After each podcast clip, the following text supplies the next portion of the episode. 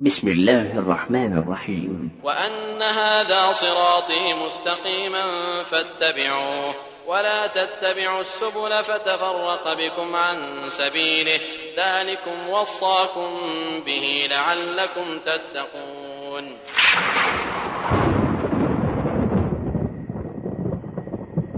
قال رسول الله صلى الله عليه وسلم افترقت اليهود على إحدى وسبعين فرقة وافترقت النصارى على ثنتين وسبعين فرقة وستفترق هذه الأمة على ثلاث وسبعين فرقة كلها في النار إلا واحدة إلا واحدة إلا واحدة إلا واحدة الشيعة. أعداء الله الشيعة أعداء الإسلام والمسلمين. الشيعة النصيرية مع كل معتدي لأرض المسلمين. الشيعة النصيرية هي حركة باطنية ظهرت في القرن الثالث للهجرة. الشيعة النصيرية تسمت بهذا الاسم نسبة إلى محمد بن نصير النميري. الشيعة النصيرية يحبون عبد الرحمن بن ملجم قاتل الإمام علي بن أبي طالب رضي الله عنه. ومن يفشي شيئا من عقيدتهم جزاؤه القتل نصيريا كان أو غير نصيري.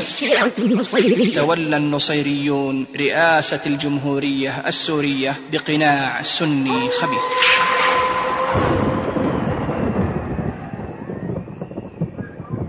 طوائفهم الجرارة الغيبية الماهوسية الناصبة الظهوراتية. البناوية. ومن أعظم المصائب عندهم فتح المسلمين للسواحل وانقهار النصارى. مراسيمهم وطقوسهم وأعيادهم. يتم الدخول في الطريقة النصيرية بطريقة غريبة يتم من خلالها القضاء على كل عرق ينبض بالرجولة والشهامة. كما أن للشيعة النصيرية إخواني في الله ليلة يختلط فيها الحابل بالنابل كشأن بعض الفرق الباطنية. وكذلك فإن الشيعة النصيرية يعظمون الخمرة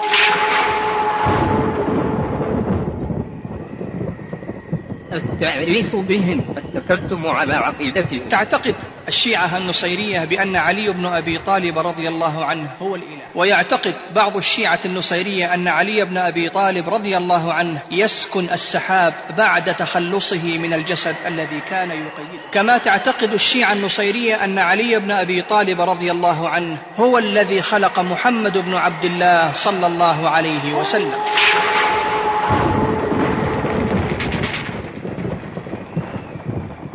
المجازر التي قاموا لم يترك النصيريون الشيعة فرصة في القديم والحديث إلا واغتنموها في سبيل إيقاع أكبر الأذى بالمسلمين من أهل السنة. وهم عندما يقومون بذلك يعتقدون أنهم يثابون على أفعالهم تلك. وروى ناجون من هذه المجزرة حوادث وقعت فيها مثل شق جسم طفل صغير لا يتجاوز عمره ستة أشهر إلى شطرين أمام أمه التي توفيت فور رؤية المشهد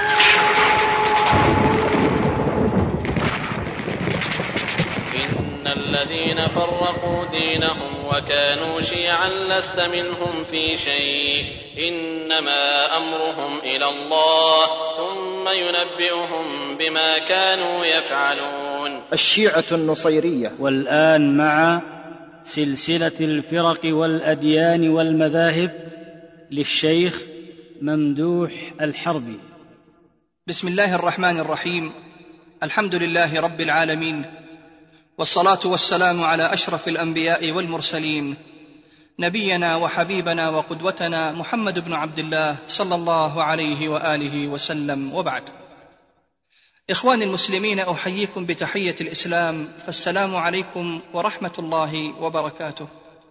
وأسأل الله عز وجل كما جمعنا في هذه الدنيا على طاعته أن يجمعنا في الآخرة في جنته. بجوار الحبيب الخليل محمد بن عبد الله صلى الله عليه وآله وسلم. آمين. أحبتي في الله وإخواني في الله أرحب بكم في هذا اللقاء. من سلسلة الفرق والأديان والمذاهب ونتكلم هذا اليوم عن الشيعة النصيرية. وحديثنا سيكون بإذن الله تعالى تحت العناصر التالية. التعريف بالشيعة النصيرية الشيعة النصيرية والتكتم على عقيدتهم وطوائف الشيعة النصيرية ثم أشهر شخصيات ودعاة الشيعة النصيرية ثم مراسيم وطقوس الدخول في العقيدة النصيرية وعقيدة الشيعة النصيرية ثم أعياد الشيعة النصيرية وأماكن انتشار الشيعة النصيرية ثم المجازر التي قام بها الشيعة النصيرية في حق أهل السنة والجماعة العزل والأبرياء. ومن أراد التوسع فعليه بكتاب الجذور التاريخية للنصيرية العلوية لحسين عبد الله وكتاب الباكورة السليمانية في كشف أسرار الديانة النصيرية لسليمان الأضني المقتول على يد الشيعة النصيرية وكتاب تاريخ العلويين لمحمد غالب الطويل وكتاب تاريخ العقيدة النصيرية لرينيه دوسو وكتاب الحركات الباطنية في العالم الإسلامي لأحمد الخطيب.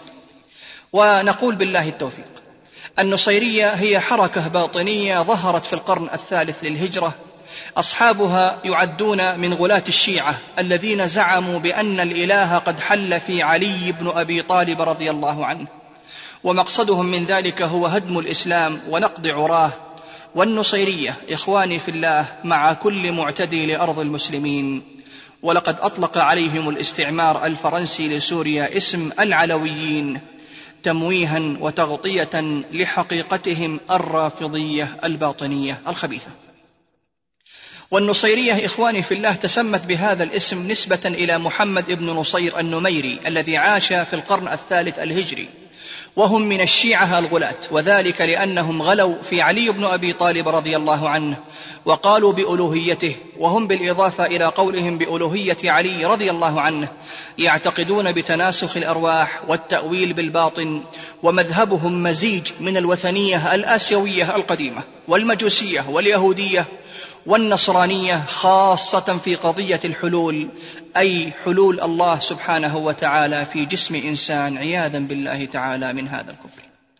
والنصيرية إخواني في الله يحبون عبد الرحمن بن ملجم قاتل الإمام علي بن أبي طالب رضي الله عنه بل ويترضون عنه لزعمهم واعتقادهم بأنه خلص اللاهوت من الناسوت ويخطئون من يلعنه.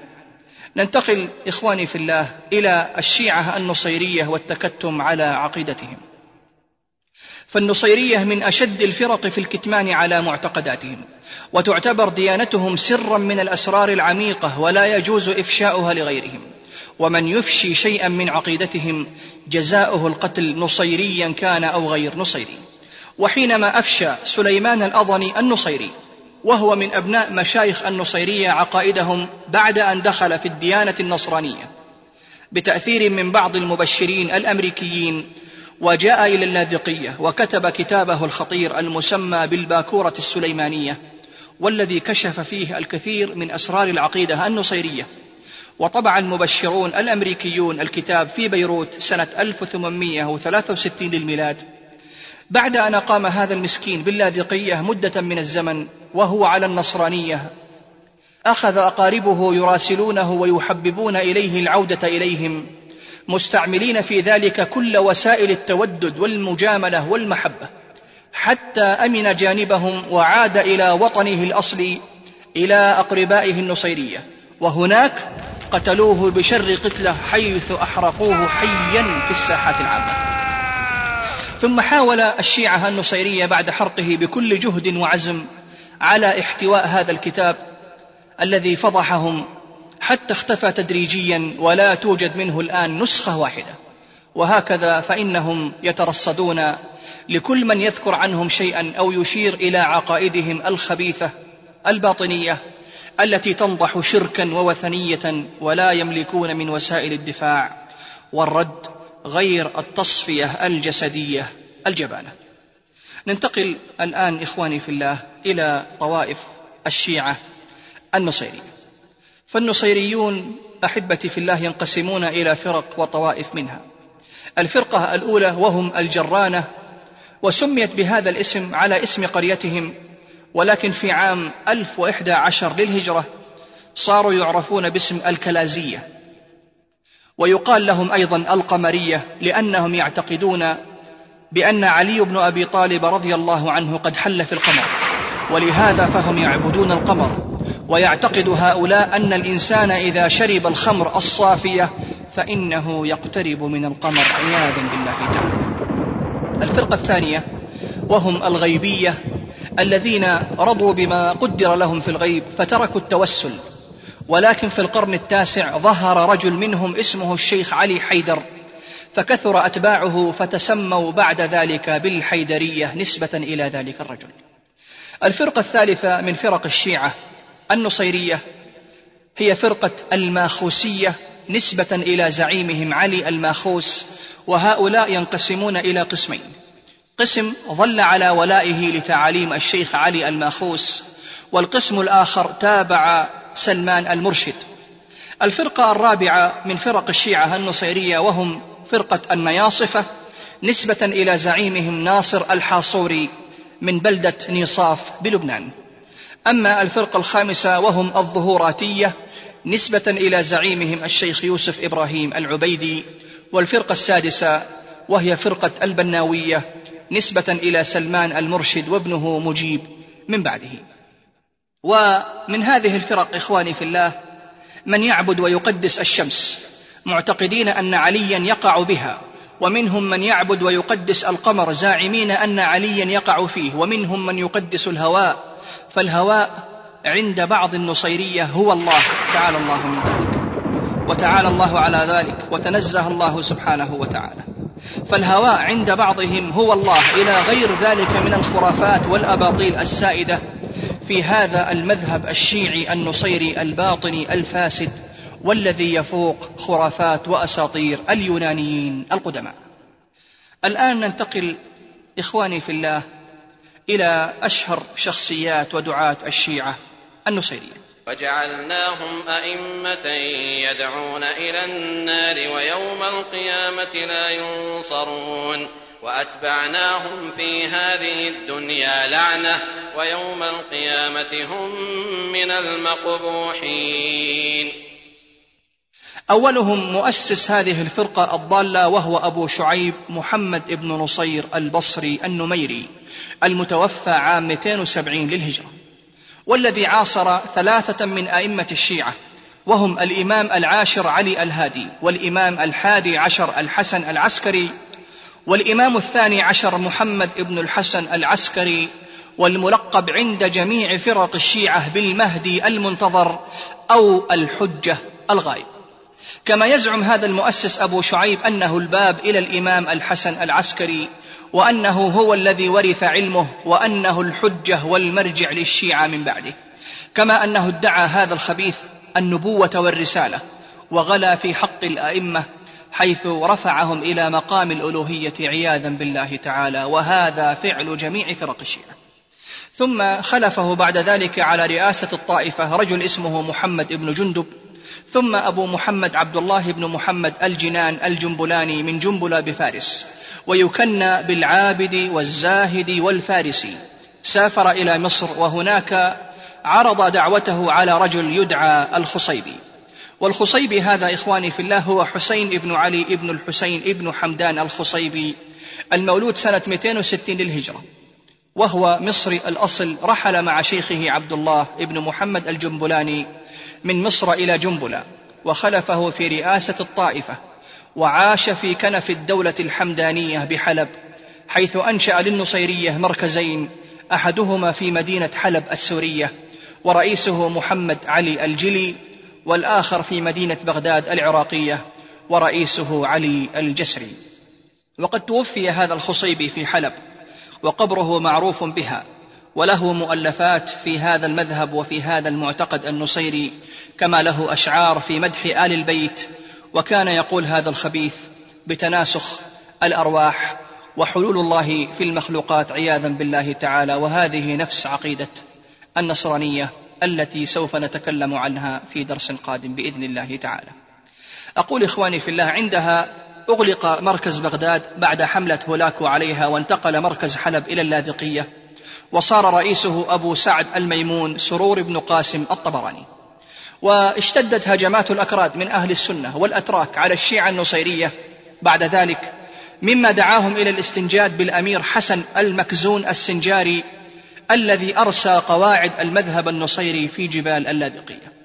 وكذلك توجد قبل فترة بعض التجمعات النصيرية كتلك التي أنشأها الشاعر القمري محمد بن يونس الكلاذي قرب أنطاكية وعلي الماخوس وناصر نصيفي ويوسف عبيدي. كذلك من شخصياتهم أحبتي في الله رجل يدعى سليمان أفندي الأضني.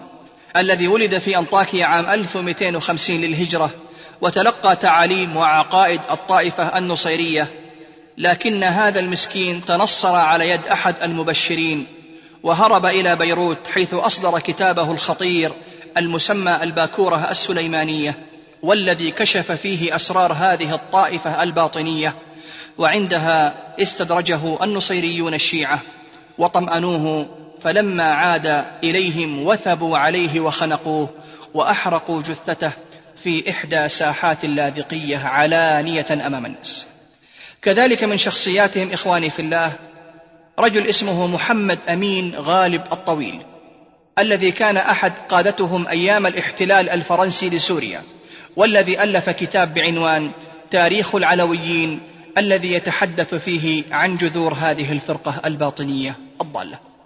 كذلك من شخصياتهم سليمان الأحمد الذي شغل منصبا دينيا في دولة العلويين عام 1920 للميلاد. ومن شخصياتهم أيضا سليمان المرشد الذي كان راعي بقر لكن الفرنسيين المستعمرين لسوريا احتضنوه وأعانوه على ادعاء الربوبية حيث اتخذ له رسولا وهو سليمان الميدة وقد كان راعي غنم. ولقد قضت عليه حكومة الاستقلال وأعدمته شنقا عام 1946 للميلاد. جاء بعده ابنه مجيب وادعى الألوهية ولكنه قتل أيضا على يد رئيس المخابرات السورية في ذلك الوقت وهذا في عام 1951 للميلاد. وما تزال فرقة الماخوسية من فرق النصيرية يذكرون اسم هذا الرجل على ذبائحهم إلى الآن عياذا بالله تعالى.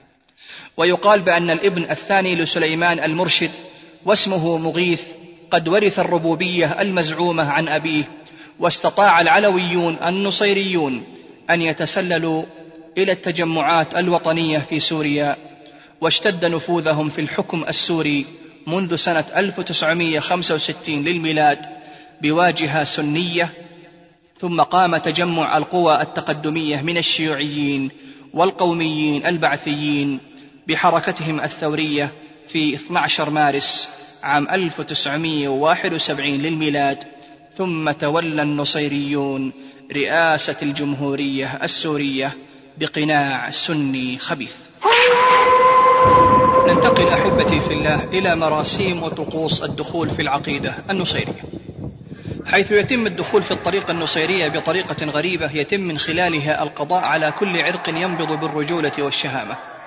وتداس كرامته فيه ويهتك عرضه. فحينما يحضر التلميذ يختار الشيخ الذي سيلازمه من بين مجموعة المشايخ الموجودين ويسمونه الوالد الروحي أو الوالد الديني. ثم يغرسون في نفس التلميذ تقديس شيخه والتواضع له تواضعا مطلقا أشبه ما يكون بالقاعدة الصوفية التي تقول كن بين يدي شيخك كالميت بين يدي الغاسل. ومن هذه الطرق أنه حينما يدخل يقف في ناحية الباب وهو ساكت لا يتكلم بشيء أي ذلك التلميذ وأحذية المشايخ مرفوعة فوق رأسه ثم يتكلم شيخه لبقية المشايخ ويتوسل إليهم أن يقبلوا هذا الشخص الماثل أمامهم ليدخل في زمرتهم ويحمل عقيدتهم. فإذا وافق المشايخ أنزلت الأحذية من فوق رأسه. ثم يأخذ في تقبيل أيدي وارجل الحاضرين من المشايخ. ثم يقف في مكانه ويوضع على رأسه خرقة بيضاء. ثم يأخذ الشيخ في قراءة العقد الذي سيتم بين التلميذ وبين المشايخ وهو أشبه ما يكون بعقد الزواج ويعتبرون هذا بمثابة الخطبة ويعتبرون الكلام الذي يسمعه بمثابة النكاح وما يتحمله من العلم عنهم بمثابة الحمل. فإذا علم وأراد التعليم فإن ذلك يكون بمثابة الوضع. وبعد أن تتم هذه المرحلة يقال للتلميذ يجب عليك أن تكرر كلمة التوحيد في اليوم خمسمائة مرة. وكلمة التوحيد عند الشيعة النصيرية هي بحق عين ميم سين ومعناها علي محمد سلمان وسيأتي بيانها بعد قليل. بعد ذلك يأتي إليهم التلميذ ليكمل تعليمه المذهب بعد اختبارات قاسية يرضى فيها بكل شيء حتى ولو بإهدار كرامته. وأشير إخواني في الله إلى أهم الشروط التي تتعلق بتعليم المذهب النصيري. أولا يشترطون في من يلقى إليه تعليم المذهب أن يتجاوز سن التاسعة عشر. ثانيا أن يمر بعدة مراحل وهي المرحلة الأولى أو الجلسة الأولى وتسمى مرحلة الجهل وفيها يهيئون من يقع عليها الاختيار من أبناء الطائفة النصيرية لقبول وحمل أسرار المذهب. ويكون في هذه الجلسة خمر ونساء ثم نوم حتى السحر. المرحلة الثانية مرحلة التعليق وفي هذه المرحلة يلقنونه شيئا من تعاليم المذهب. ويبقى مدة سنة إلى سنتين. تحت إشراف شيخ من شيوخ الطائفة ليطلعه على شيء من أسرار المذهب بالتدريج فإذا توسموا فيه القبول والنجابة نقلوه إلى المرحلة الثالثة الآتية وإلا طردوه. المرحلة الثالثة وهي مرحلة السماع وهي الدرجة العليا ويطلعونه فيها على أكثر أصول المذهب الشيعي النصيري. ثم يعقد الرؤساء الروحيون للطائفة مجمعا خاصا لتلقينه بقية أسرار المذهب ثم ينقلونه إلى درجة أعلى يطلقون عليها درجة الشيخ أو صاحب العهد. ويتم ذلك بحضور الكفلاء والشهود الذين يشهدون باستعداد الرجل لقبول السر ومحافظته عليه ثم يحلف اليمين المقررة المغلظة عندهم أن يحافظ على السر ولو أريق دمه وبعد حصوله على هذه الدرجة يصبح شيخا من شيوخ الطائفة النصيرية. ننتقل الآن إخواني في الله إلى عقيدة الشيعة النصيرية. فتعتقد الشيعة النصيرية بأن علي بن أبي طالب رضي الله عنه هو الإله. تعالى الله عن ذلك علوا كبيرا. وقالوا بأن ظهوره الروحاني بالجسد الجسماني هو كظهور جبريل في صورة بعض الأشخاص. ويقولون إن الإله علي بن أبي طالب لم يظهر في صورة الناسوت يعني الصورة الإنسية إلا ايناسا لخلقه وعبيده كما يزعمون عياذا بالله تعالى. والشيعة النصيرية تحب وتعظم عبد الرحمن بن ملجم قاتل الإمام علي. ويترضون عنه لزعمهم بأنه قد خلص اللاهوت من الناسوت. يعني هو الذي خلص الصورة الإلهية من الصورة الإنسانية عياذا بالله تعالى. ويعتقد بعض الشيعة النصيرية أن علي بن أبي طالب رضي الله عنه يسكن السحاب بعد تخلصه من الجسد الذي كان يقيده. وإذا مر بهم السحاب قالوا السلام عليك يا أبا الحسن ويقولون إن الرعد صوته. كما تعتقد الشيعة النصيرية أن علي بن أبي طالب رضي الله عنه هو الذي خلق محمد بن عبد الله صلى الله عليه وسلم. وأن محمدا صلى الله عليه وسلم هو الذي خلق سلمان الفارسي رضي الله عنه. وأن سلمان الفارسي خلق الأيتام الخمسة وهم اليتيم الأول المقداد ابن الأسود ويعتقدون أنه رب الناس وخالقهم والموكل بالرعود. اليتيم الثاني أبو ذر الغفاري الموكل بدوران الكواكب والنجوم. اليتيم الثالث عبد الله بن رواحة الموكل بالرياح وقبض أرواح البشر. اليتيم الرابع هو عثمان بن مضعون الموكل بالمعدة وحرارة الجسد وأمراض الإنسان. اليتيم الخامس وهو قنبر ابن كدان الموكل بنفخ الأرواح في الأجسام عياذا بالله تعالى. كما أن للشيعة النصيرية إخواني في الله ليلة يختلط فيها الحابل بالنابل كشأن بعض الفرق الباطنية. وكذلك فإن الشيعة النصيرية يعظمون الخمرة ويحتسونها ويعظمون شجرة العنب ويستفضعون قلعها أو قطعها لأنها هي أصل الخمرة التي يسمونها النور. يا أيها الذين آمنوا إنما الخمر والميسر والأنصاب والأزلام رجس من عمل الشيطان فاجتنبوه لعلكم تفلحون إنما يريد الشيطان أن يوقع بينكم العداوة والبغضاء في الخمر والميسر ويصدكم عن ذكر الله وعن الصلاة فهل أنتم منتهون؟ حيث يقولون أو تقول الشيعة النصيرية عندما يشربون الخمر ما نصه إن هذا عبدك عبد النور شخص النار حللته وكرمته وفضلته لأوليائك العارفين بك حلالا طلقا وحرمته على أعدائك الجاحدين يعني المسلمين وحرمته على أعدائك الجاحدين المنكرين لك نصا يعني في قرآن المسلمين. اللهم مولاي يقصدون به علي بن أبي طالب. اللهم مولاي كما حللته لنا أرزقنا به الأمن والأمان والصحة من الأسقام وانف عنا به الهم والأحزان.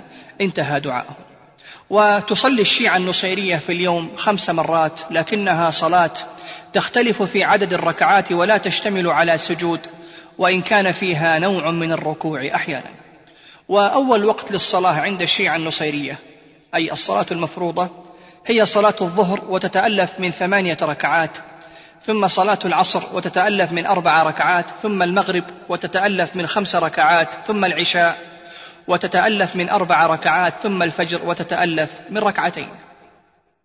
وقد ورد في كتاب الباكورة السليمانية أن الصلوات الخمس عند النصيرية هي كالتالي الظهر لمحمد والعصر لفاطر أو فاطم أي فاطمة رضي الله عنها. والمغرب للحسن والعشاء للحسين والصبح لمحسن الخفي. كما أنهم لا يصلون الجمعة ولا يتمسكون بالطهارة كالوضوء ورفع الجنابة قبل أداء الصلاة. وليس لهم مساجد عامة بل يصلون في بيوتهم وصلاتهم تكون دائما مصحوبة بتلاوة الخرافات. ولهم إخواني في الله قداسات شبيهة بقداسات النصارى مثل قداس الطيب لك أخ حبيب وقداس البخور في روح ما يدور في محل الفرح والسرور وقداس الأذان وبالله المستعان. كما أن النصيريه أحبتي في الله لا يعترفون بالحج ويقولون بأن الحج إلى مكة إنما هو كفر وعبادة أصنام ولا يعترفون بالزكاة الشرعية المعروفة لدينا نحن أهل السنة وإنما يدفعون ضريبة إلى مشايخهم زاعمين بأن مقدارها خمس ما يملكون وهم بذلك يشتركون في هذا الخمس مع جميع فرق الشيعة الأخرى. الصيام عند النصيرية هو الامتناع عن معاشرة النساء طيلة شهر رمضان المبارك. إضافة إلى أن النصيرية يبغضون الصحابة بغضا شديدا ويلعنون أبا بكر وعمر وعثمان رضي الله عنهم أجمعين تماما مثل ما تفعله الشيعة الإمامية الاثنى عشريه وكذلك تعتقد الشيعة النصيرية بأن للشريعة باطنا وظاهرا وأنهم وحدهم العالمون بباطن الأسرار. ومن ذلك اعتقادهم بأن الجنابة هي موالاة الأعداء والجهل بالعلم الباطني والطهارة هي معاداة الأعداء ومعرفة العلم الباطني. والصيام عند الشيعة هو حفظ السر المتعلق بثلاثين رجلا وثلاثين امرأة. والزكاة عندهم معناها هي شخصية سلمان الفارسي رضي الله عنه خالق الأيتام الخمسة عياذا بالله تعالى. أما عن الجهاد فهو صب اللعنات على الأعداء والخصوم فشاة الأسرار والولاية هي الإخلاص للأسرة الشيعية النصيرية وكراهية أعدائها. أما عن الشهادة فهي قولهم عين ميم سين ويعنون بحرف العين علي بن أبي طالب الإله الذي خلق محمد وحرف الميم محمد صلى الله عليه وسلم الذي خلق سلمان. وحرف السين سلمان الفارسي خالق الأيتام الخمسة. أما عن القرآن عند النصيرية فهو مدخل ليتعلم النصيري الإخلاص لعلي بن أبي طالب. كما تعتقد النصيرية بأن سلمان الفارسي هو الذي علم محمدا صلى الله عليه وسلم القرآن في صورة جبريل عياذا بالله تعالى من هذا الكفر وهذه الزندقة. أما الصلاة فهي عبارة عن خمس أسماء هي علي وحسن وحسين ومحسن وفاطمة. ومحسن إخواني في الله هذا يسمى عند النصيرية بالسر الخفي حيث يعتقدون بأنه سقط طرحته فاطمة رضي الله عنها. وذكر هذه الأسماء عند الشيعة النصيرية يجزئ عن الغسل والجنابة والوضوء. أما عن المرأة فالمرأة عند الشيعة النصيرية ليست جديرة بتلقي الدين وتحمل واجباته. لأنهم يعتقدون أنها لا تملك روحا كما هي الحال لبقية الحيوانات الأخرى. والمرأة في نظر الشيعة النصيرية نوع من المسخ الذي يصيب غير المؤمن فهي كالحيوان لأنها مجردة عن وجود النفس الناطقة. لذلك فهم يعتقدون أن نفوس النساء تموت بموت أجسادهن لعدم وجود أرواح خاصة بهن. ولهذا السبب إخواني في الله فإن الشيعة النصيرية يستبيحون الزنا بنساء بعضهم البعض لأن المرأة لا يكمل إيمانها إلا بإباحة فرجها لأخيها المؤمن كما يعتقدون. وهذا يفسر لنا ظاهرة كون المرأة جزءا من الضيافة المقدمة عند الدخول في أسرار العقيدة النصيرية. نتكلم عن القيامة. فالقيامة عند الشيعة النصيرية هي قيامة الإمام المحتجب صاحب الزمان علي بن أبي طالب رضي الله عنه ليحكم بين أتباعه ويحقق لهم السيادة وحدهم ضد خصومهم أي أهل السنة من أتباع الخليفتين الأول والثاني يعني أبو بكر وعمر رضي الله عنهم. ويقولون إن ظهور علي بن أبي طالب سيكون من الشمس قابضا على كل نفس الأسد من تحته وذو الفقار بيديه والملائكة من خلفه والسيد سلمان الفارسي بين يديه والماء ينبع من قدميه والسيد محمد يعني رسول الله صلى الله عليه وسلم ينادي هذا مولاكم علي بن أبي طالب فاعرفوه وسبحوه وعظموه وكبروه هذا رازقكم وخالقكم فلا تنكروه. عياذا بالله تعالى من هذا الكفر. وهذه الزندقة. ننتقل أحبتي في الله إلى التناسخ عند الشيعة النصيرية. وتعريف التناسخ هو انتقال روح الميت بعد موته من حالة إلى حالة ومن جسد إلى جسد بحسب تمسك النصيري بعقيدته. والنصيرية إخواني في الله يؤمنون بأربعة أنواع من التناسخ وهي كما يلي النوع الأول النسخ وهو انتقال الروح من جسم الآدمي إلى جسم آدمي آخر. النوع الثاني المسخ وهو انتقال الروح من جسم الآدمي إلى جسد حيوان. النوع الثالث الفسخ وهو خروج الروح من جسد الآدمي إلى جسد حشرة من حشرات الأرض.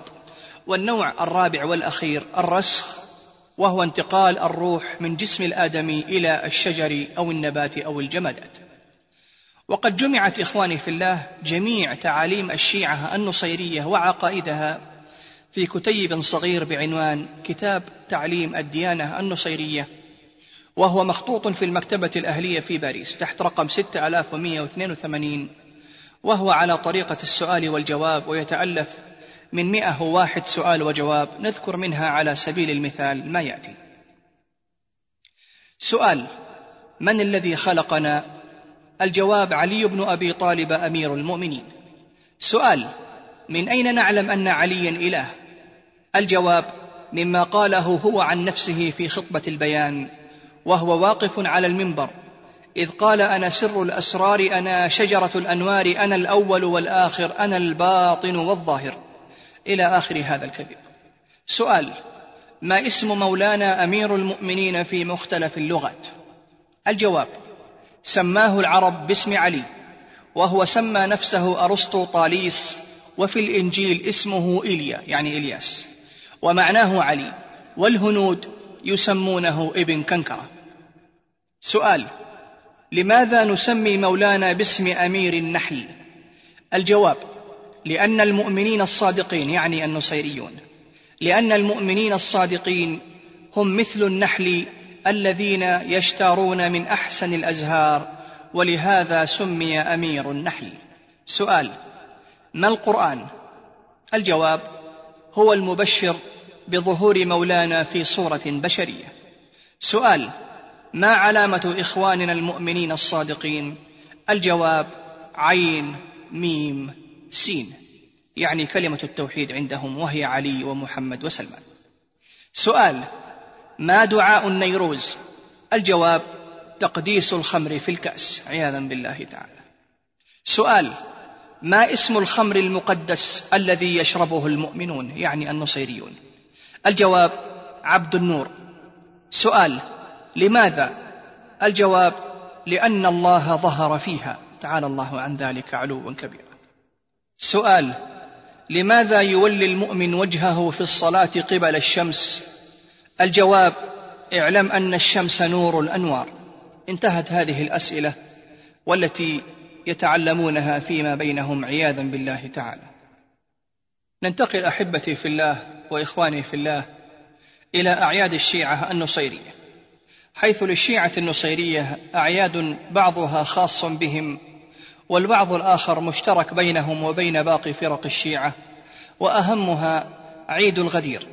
ويحتفلون به في 18 من ذي الحجة وهو عيد عند عامة فرق الشيعة حيث يحيون ليلة هذا العيد بالصلاة ويصلون في صبيحتها ركعتين قبل الزوال. وشعارهم فيه لبس الجديد وعتق العبيد وذبح الأغنام والشعراء منهم يهنئون كبراءهم بهذا العيد. عيد الفطر ويحتفلون به في أول شوال مثل سائر المسلمين لكن الشيعة النصيرية لا يحتفلون به بعد صوم رمضان وإنما بعد الصوم الذي يعتقدون فيه. عيد عاشوراء ويحتفلون به في العاشر من محرم كباقي فرق الشيعة وهو ذكرى استشهاد الحسين بن علي بن أبي طالب رضي الله عنه في كربلاء. لكن الشيعة النصيرية يعتقدون أن الحسين لم يمت بل اختفى مثل عيسى بن مريم عليه السلام.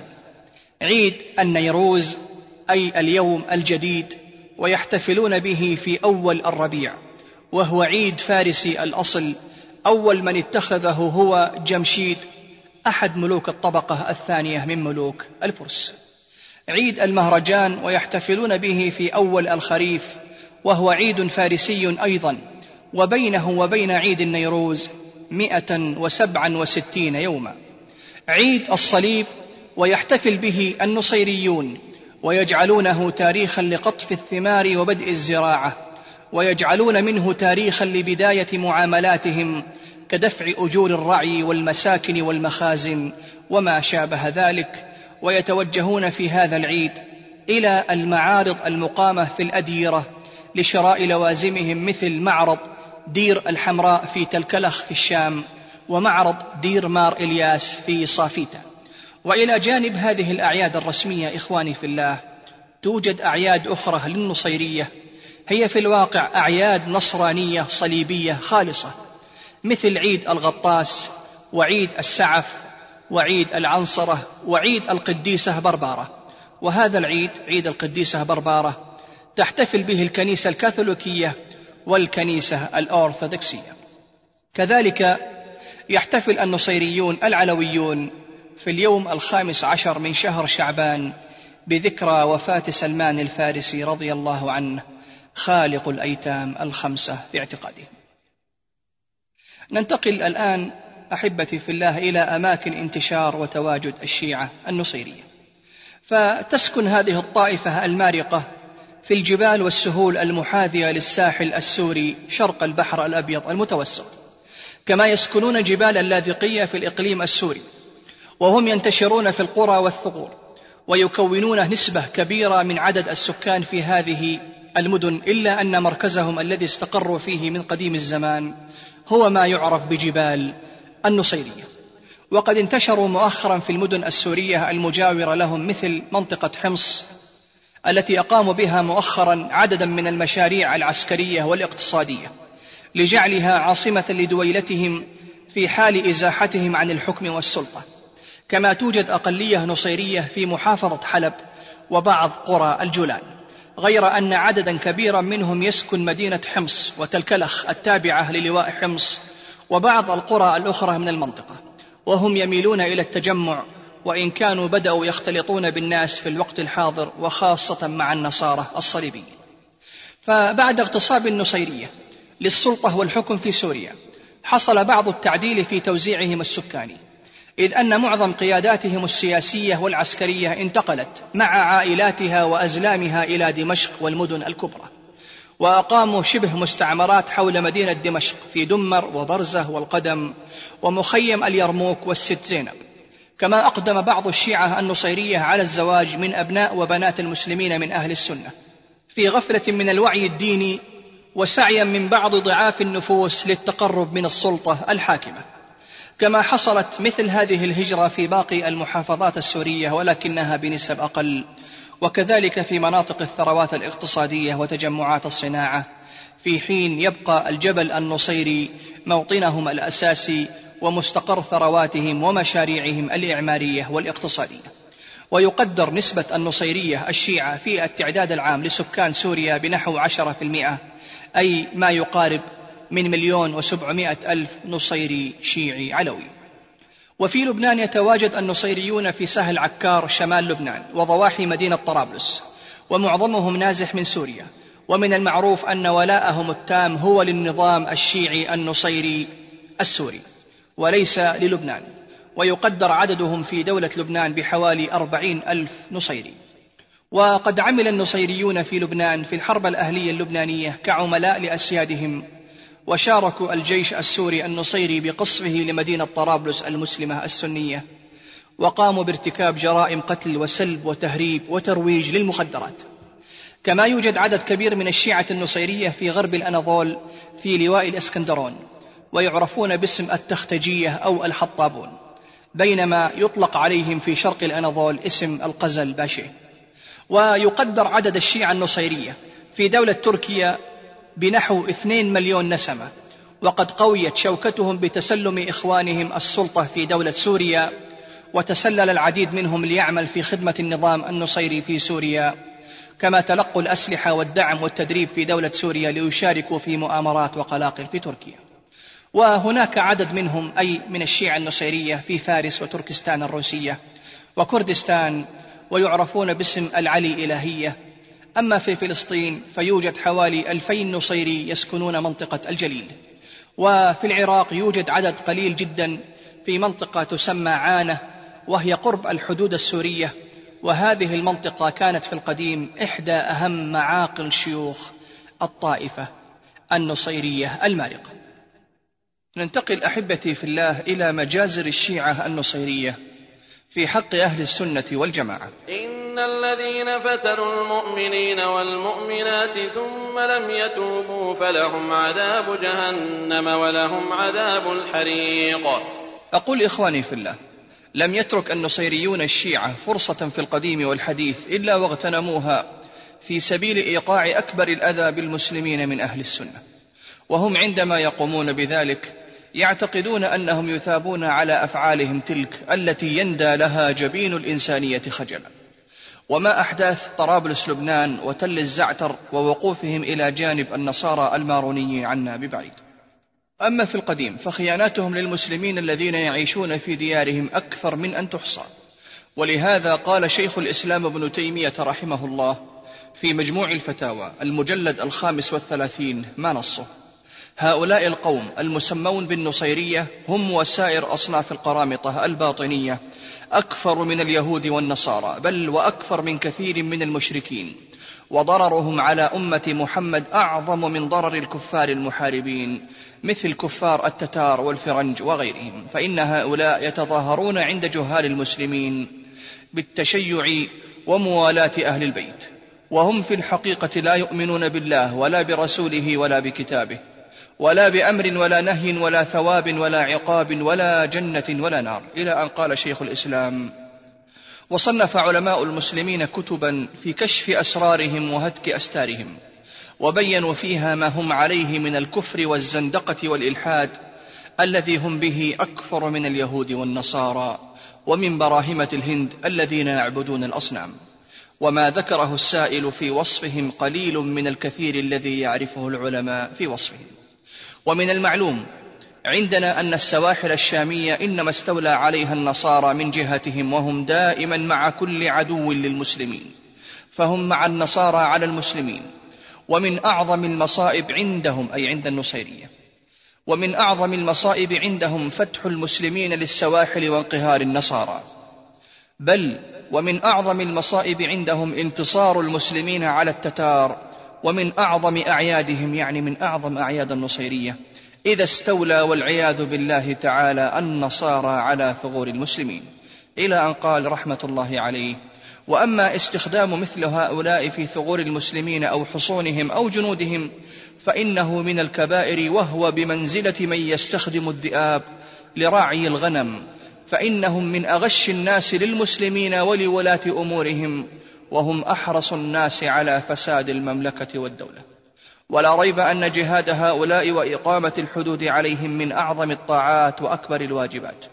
وهو أفضل من جهاد من لا يقاتل المسلمين من المشركين وأهل الكتاب. فإن جهاد هؤلاء يعني النصيرية من جنس جهاد المرتدين والصديق وسائر الصحابة بدأوا بجهاد المرتدين قبل جهاد الكفار من أهل الكتاب. فإن جهاد هؤلاء حفظ لما فتح من بلاد المسلمين إلى أن قال رحمة الله عليه. ويجب على كل مسلم أن يقوم في ذلك بحسب ما يقدر عليه من الواجب فلا يحل لأحد أن يكتم ما يعرفه من أخبارهم بل يفشيها ويظهرها ليعرف المسلمون حقيقة حالهم. انتهى كلام شيخ الإسلام ابن تيمية رحمه الله تعالى. ومن جرائم النصيرية إخواني في الله ما قام به النصيري الخبيث تيمور لنك حيث جاء بجيوش لا يعرف مقدارها واستولى على بغداد وحلب والشام في عام 822 للهجرة. فأمعن في القتل والنهب والتعذيب مدة طويلة ثم أنشأ من رؤوس أهل السنة تلة عظيمة وقد قتل جميع القوات المدافعين عن المدينة من أهل السنة. ثم سافر هذا النصيري الخبيث تيمور لنك إلى الشام وأنزل أفدح المصائب التي لم يسمع بمثلها بأهل الشام من أهل السنة. ولم يسلم من إجرام هذا الشيعي النصيري الحاقد بالشام إلا عائلة واحدة من النصارى الصليبيين. وقد أمر تيمور لنك بقتل أهل السنة العزل الأبرياء ولم يستثني إلا أبناء طائفته العلويين النصيريين وبعد الشام ذهب ذلك النصيري تيمور لنك لبغداد وقتل بها تسعين ألفا من أهل السنة. هذا إخواني في الله في عهد الغزو التتري أما في عهد الهجمات الصليبية الحاقدة فلم يدخل الصليبيون بلاد المسلمين ويستبيح دماء وأعراض أهل السنة إلا عن طريق الشيعة النصيرية.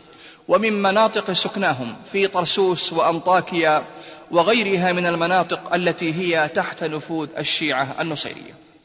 بل إن مدينة أنطاكيا أحبتي في الله سقطت في يد الصليبيين بفعل الاتفاق الذي وقع بين الزعيم الشيعي النصيري فيروز وبين قائد الحملة الصليبية بوهمند.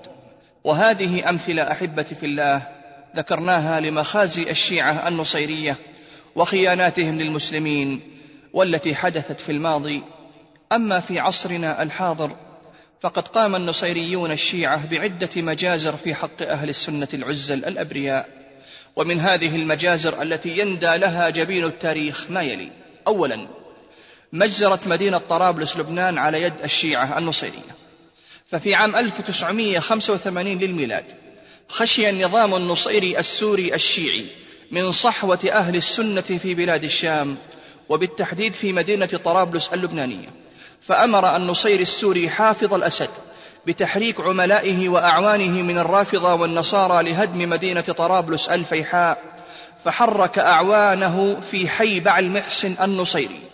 كما تحركت الأحزاب العميلة كالحزب السوري القومي والمعروف بعلاقاته المشبوهة مع المخابرات الإسرائيلية والحزب الشيوعي اللبناني ونصارى الأرثوذكس ومنظمة حزب البعث بقيادة الشيعة الحاقدة أمثال عاصم قنصول وعبد الأمير عباس. وبدأ النصيريون في حي بعل محسن بتنفيذ أوامر القيادة. فأطلقوا قذائفهم ونيران أسلحتهم المتطورة على حي التبانة الذي يبعد عنهم بضعة أمتار ولا يفصله عنهم إلا شارع سوريا. وكانت القوات السورية النصيرية قد شددت حصارها على مدينة طرابلس. واستقدمت تعزيزات عسكرية تتألف من أربعة آلاف جندي نصيري. أحاطت بمدينة طرابلس من كل جانب كما حاصرت الطائرات الحربية النصيرية طريق البحر إلى ميناء طرابلس.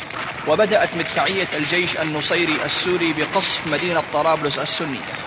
بالتعاون مع الدبابات المرابطة فوقها وبالتحديد فوق منطقة الكورة وتربل والتبانة واستمر القصف النصيري الشيعي المركز على أهل السنة العزل في طرابلس قرابة العشرون يوما حيث انصب على المدينة أكثر من مليون صاروخ وقذيفة مما أدى إلى تدمير نصف مباني طرابلس كما تم تدمير معظم الشوارع وأحاطت النار بمداخل المدينة البرية والبحرية وانقطعت عن العالم هاتفيا ولا سلكيا. وقد وصف المراسلون في ذلك الوقت مدينة طرابلس بقولهم إن طرابلس أصبحت تبدو في النهار كمدينة أشباح تغطيها أعمدة الدخان الأسود وتهزها انفجارات القذائف المدفعية والصاروخية وفي الليل تصطبغ سماؤها بلون أحمر منعكس من لهيب نيران المدفعية. انتهى كلامه ثانيا ننتقل إلى مجزرة مخيم تل الزعتر على يد الشيعة النصيرية.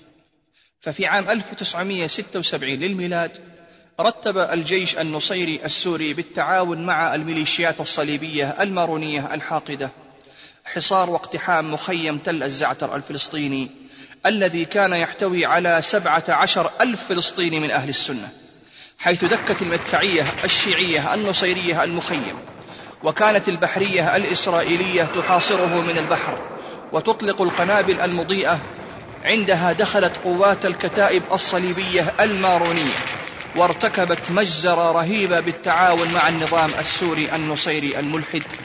كانت نتيجة هذه المجزرة ستة آلاف قتيل من أبناء السنة وعدة آلاف من الجرحى ودمر المخيم بالكامل. ثالثا مجزرة سجن تدمر على يد الشيعة النصيرية قاتلهم الله. ففي عام 1980 للميلاد تعرض الرئيس النصيري الشيعي حافظ الأسد إلى محاولة اغتيال فاشلة. من قبل أحد عناصر حرسه الخاص فحمل المسؤولية مباشرة لأهل السنة والجماعة. فأمر شقيقه رفعة الأسد. ورئيس سرايا الدفاع في ذلك الوقت أن يقوم بعمل انتقامي إجرامي يستهدف نزلاء سجن تدمر الصحراوي الواقع في بادية الشام شرق سوريا. حيث كان معظم السجناء من أهل الخير والصلاح والاستقامة. وما نقموا منهم إلا أن يؤمنوا بالله العزيز الحميد الذي له ملك السماوات والأرض والله على كل شيء شهيد. ففي فجر اليوم السابع والعشرين من شهر يونيو عام 1980 للميلاد قام حوالي 200 عنصر من اللواء 40 واللواء 138 من سرايا الدفاع. التابعة مباشرة للطاغوت النصيري رفعة الأسد بالانتقال بالطائرات المروحية من مناطق تمركزهم قرب دمشق إلى سجن تدمر حيث قاموا بإلقاء القنابل على السجناء من أبناء أهل السنة وفتح نيران أسلحتهم عليهم وهم في زنزاناتهم حيث ماتوا عن آخرهم خلال نصف ساعة. ثم قامت بعد ذلك شاحنات كبيرة بنقل جثث القتلى ورميها في حفر قد أعدت مسبقا لرمي الجثث فيها في وادي شرق بلدة تدمر. ثم عاد المنفذون الشيعة النصيريون إلى قواعدهم في دمشق. وقد تلطخت ثيابهم بدماء أهل السنة الأبرياء. ووزع على كل واحد منهم مكافأة مالية حيث راح ضحية هذه المجزرة أكثر من سبعمائة شاب مسلم من حملة الشهادات العليا. فلا حول ولا قوة إلا بالله العلي العظيم. وقد ناقشت إخواني في الله لجنة حقوق الإنسان التابعة لمنظمة الأمم المتحدة وقائع هذه المجزرة الرهيبة في مدينة جنيف في دورتها السابعة والثلاثين ووزعت على اللجنة الوثيقة رقم 1469 تقسيم أربعة بتاريخ 4 3 1981 للميلاد. رابعا مجزرة هنانو في مدينة حلب على يد الشيعة النصيرية. ففي شهر آب عام 1980 للميلاد. وفي صبيحة أول أيام عيد الفطر المبارك أجبرت عناصر القوات الخاصة النصيرية. مجموعة من سكان منطقة المشارقة على الخروج من منازلهم وحوانيتهم. وأرغمت المصلين على ترك المساجد وجمعتهم في مقبرة هنانو. ثم فتحت نيران الأسلحة المختلفة عليهم وأجهزت بعد ذلك على الجرحى منهم.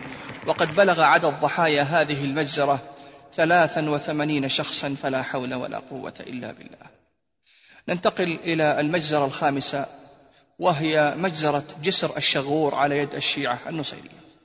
ففي شهر آذار عام 1980 للميلاد حاصرت القوات الخاصة النصيرية والتي حملتها ستة عشر طائرة عمودية بلدة جسر الشغور الواقعة في محافظة إدلب شمال ووجهت صواريخها ومدفعيتها نحو البيوت حيث هدم في هذه المجزرة عشرون منزلا وخمسين حانوتا كما قتل نحو مئة شخص من أهل السنة واعتقل المئات من أبناء أهل السنة والجماعة.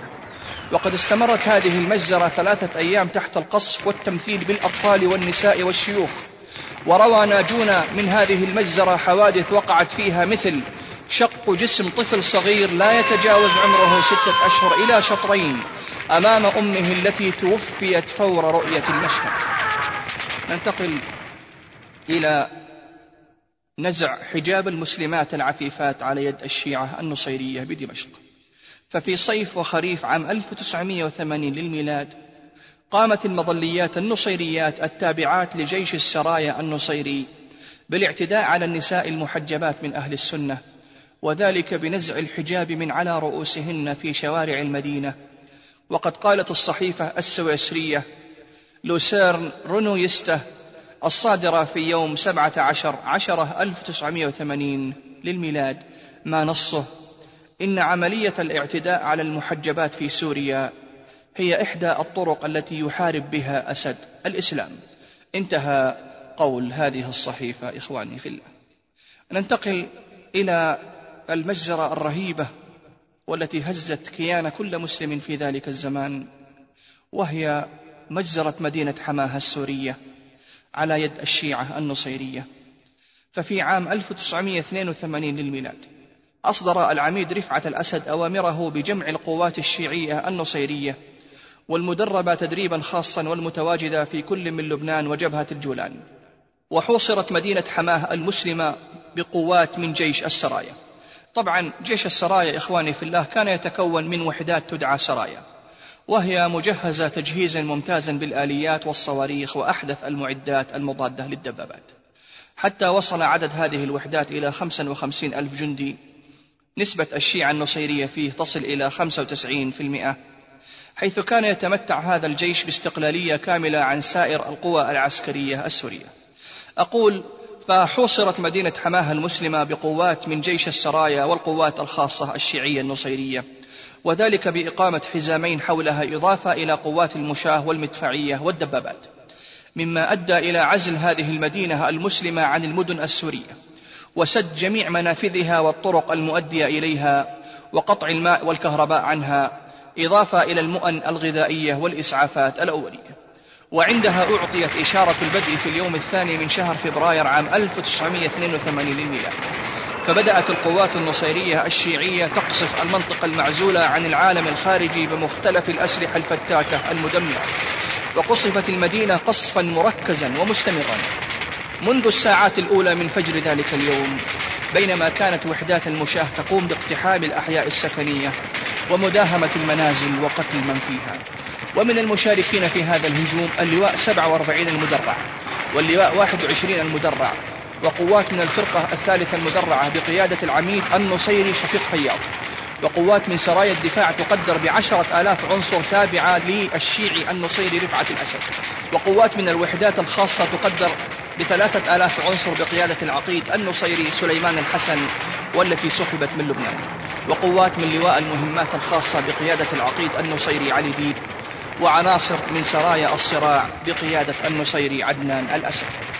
أما الأسلحة إخواني في الله التي استخدمت في تدمير هذه المدينة وإبادة سكانها العزل فشملت راجمات للصواريخ ومدفعيات ثقيلة ودبابات ومدرعات ومدافع هاون ومدافع محمولة عيار 106 ملي إضافة إلى الصواريخ المحمولة على الأكتاف والتي تسمى آر بي جي 7 وطائرات مقاتلة عمودية وطائرات إنزال مروحي وقنابل مضيئة وحارقة وعنقودية.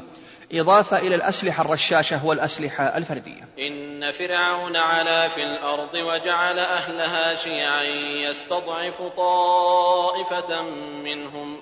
يستضعف طائفة منهم يذبح أبناءهم ويستحيي نساءهم إنه كان من المفسدين.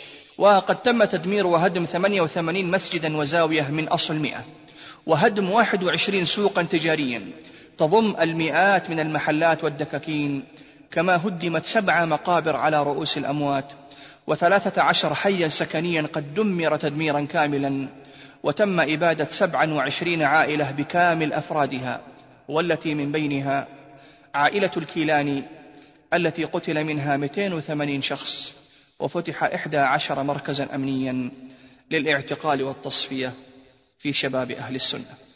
كما أسفرت هذه الجريمة إخواني في الله وهي الجريمة النكراء التي قام بها الشيعة النصيرية على مقتل ما يربو على أربعين ألف مسلم من أهل السنة والجماعة.